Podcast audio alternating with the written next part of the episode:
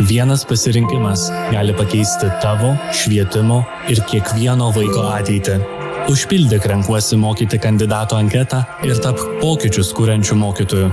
Programą įgyvendina Mokyklų tobulinimo centras. Labas. Aš jūsų Timūras. Šiandien paporinsiu apie dar vieną domenų vagystę, tik jau iš kitos įmonės. Finansinės valdžios pagalbos naujienas, šalčio keliamą chaosą Teksase ir Lietuvos ūkininkų priekaištus valdžiai. Šį kartą tokius pagrįstus. Panašu, kad Lietuva sieks prestižinę padaryti ne pedagogo, o duomenų apsaugos eksperto profesiją. Nes artimiausių metų tokio žmogaus prireiks kiekvienai įmoniai turinčiai reikalų internete. Vakar tame pačiame programišių forume, kuriame buvo patalpinti CTB klientų duomenys, kitas hakeris patalpino beveik 260 tūkstančių buvusios lažybų bendrovės Orakulas vartotojų informaciją. Šią įmonę prieš keliarius metus įsigijo bendrovė Olympic Casino Group Baltija, valdanti prekinį ženklą Olibet. Bendrovė tikina, kad dabartiniai vartotojų duomenys yra saugus, o nutekėjai yra iš senos senolės orakulas.lt duomenų bazės. Tai tipo nesiskaito?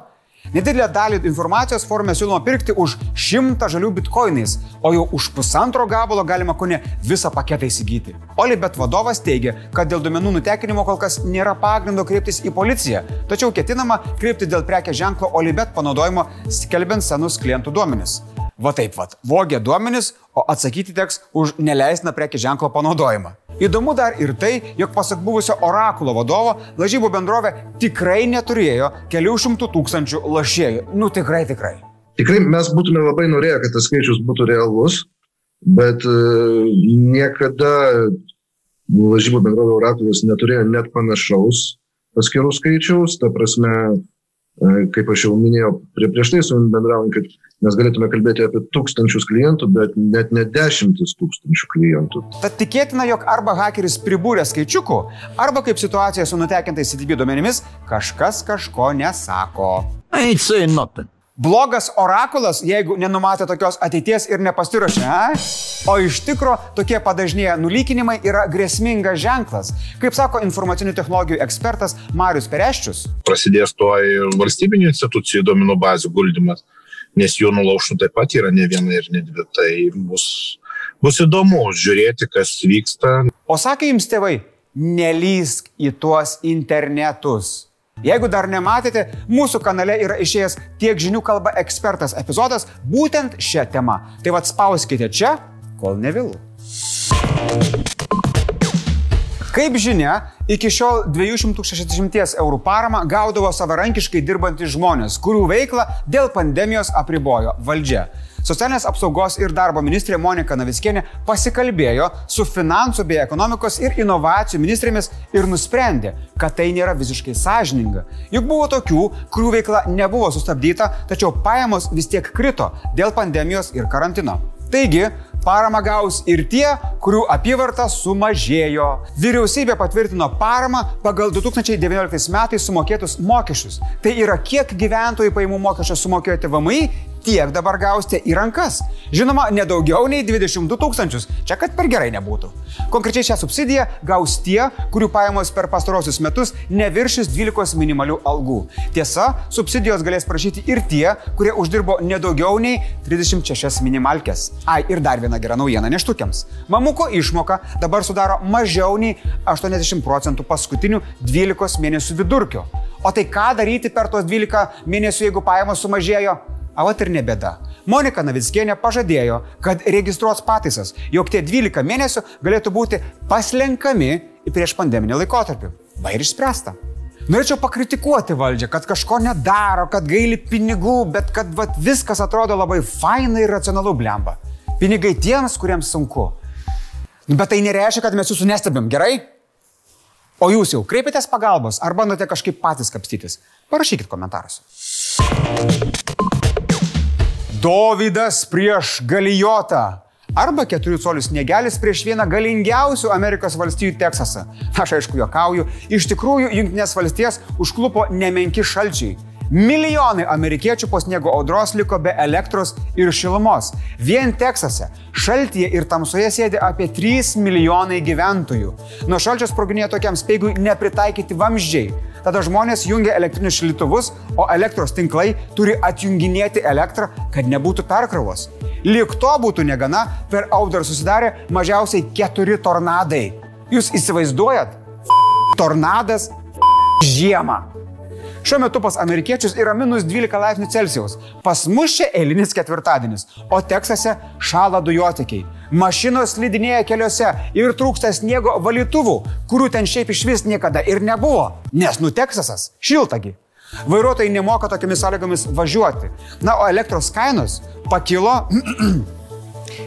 10 tūkstančių procentų.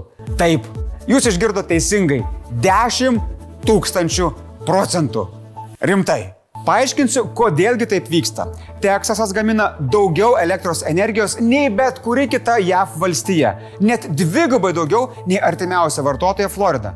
Žinoma, negali paneigti didelio šalčio, jis tikrai neįprastas Teksasui, Alabamai, Oklahomai ir kitoms valstijoms, kur paskelbta ekstremali padėtis. Tačiau esminė problema yra ta, kad Teksaso valstija vienintelė visose JAV turi savo atskirą elektros sistemą. Kažkada jie sąmoningai nusprendė izoliuotis nuo likusios šalies. Tai reiškia, kad kai viskas vyksta sklandžiai, jie negali eksportuoti perteklinės energijos į kaiminės valstybės ir valstijas. O ištikus kriziai, kaip pavyzdžiui dabar, jie taip pat negali importuoti trūkstamos energijos. Tegul tai jums būna, gerbiami žemaičiai, perspėjimas. Nebandykite atsiskirti nuo Lietuvos elektros sistemos ir mažiau svaikit apie tą nepriklausomybę. Ta romantika faina, kol neteina gyvenimas. Na, o kol Teksase vištelės šala, mūsiškės irgi nežino, kas jų laukia.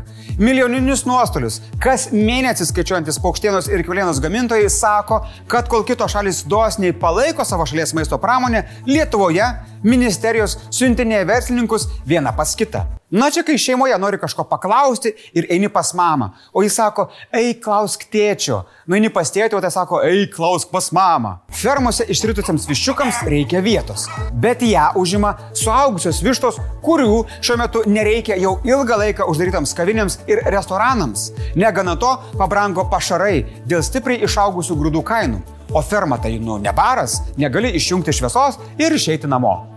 Pasak ūkininkų, su buvusia vyriausybė dėl paramos jau buvo sutarta, tačiau jos kol kas gauta mažiau nei trečdalis. Paukštininkysės asociacijos vadovas Vytautas Tevelis, ne, neišgalvota pavardė, sako, kad vien nukritusi eksporto kaina kas mėnesį duoda virš milijono eurų nuostolį, o dėl sumažėjusių vidaus kainų nuostolis didėja dvigubai. Jo teigimu yra jau penkios įmonės, kurios savo veiklą nutraukė. Vyriausybė nusivylęs kooperatyvo Agroavės grupų vadovas Jonas Jegminas primena, jog duona, pienas ir mėsa Maksimos lentynose neauga, juos reikia užauginti ūkininkams. Nusivylę ir keulių augintojai. Jų teigimu iki valdžios neina prisibelsti. Finansų ministerija siunčia pas ekonomikos, o šis sako, kad pinigų žemės ūkiai paramos paketai nenumato. Keulių augintojų asociacijos vadovas Algis Baravykas, vėlgi tikra pavardė, pradeda abejoti, ar iš vis šie sektoriai kam nors rūpi ir yra reikalingi. Apie šią problemą vakar paklausta premjerė buvo lakoniška. Problema žinoma, ministerijos dirba. Ir manau, kad kai tik tai uh, turėsim atsakymus uh, apie kokį Na, apie kokią konkrečiai įtaką kalbame šitiems sektoriams, tada galėsime kalbėti ir apie kažkokias paramos priemonės. Na tai laikykite ten ūkininkai. O aš tą progą šiandien tikrai nusipirksiu dešros ir valgydamas ją galvosiu apie tevelį su savo baravyku. Blitz naujienos. Socialinės apsaugos ir darbo ministrė Monika Navickienė ir jos komanda gesino komunikacinį gaisrą. Po ministrės pasisakymų apie bedarbius ir ar jiems turėtų priklausyti sveikatos draudimas. Navickienės teigimu, ji buvo blogai suprasta. Ji nori, kad bedarbiai būtų draudžiami, tačiau nemano, kad tai turėtų daryti užimtumo tarnyba. Primenu, žodis žvirblių išlėkė, o bedarbių grįžta. Facebookas Australijoje užblokavo visą naujienų ir žinių portalų dalymus jų platformoje. Tokį sprendimą bendroje priėmė kaip protestą po to, kai Australijos vyriausybė paskelbė siūlymą apmokestinti socialinėme tinkle skelbiamas kitų naujienų portalų žinias. Na, Facebookas nemoka už melagienas, matyt, nenori mokėti ir už realias naujienas. Teismas atmetė vieno garsiausių Lietuvos nusikaltelių, Henriko daktaro apeliaciją dėl iš ankstinio paleidimo. Daktaras ir toliau lieka kalėti iki gyvos galvos. Nežinau, mane norėsit žinoti. Iš tikrųjų labai gaila, kad pandemija paveikė ne tik paukštininkystės sektorių, bet ir pačius paukščius, kurie ne iš gero gyvenimo išsuka iš doros kelio.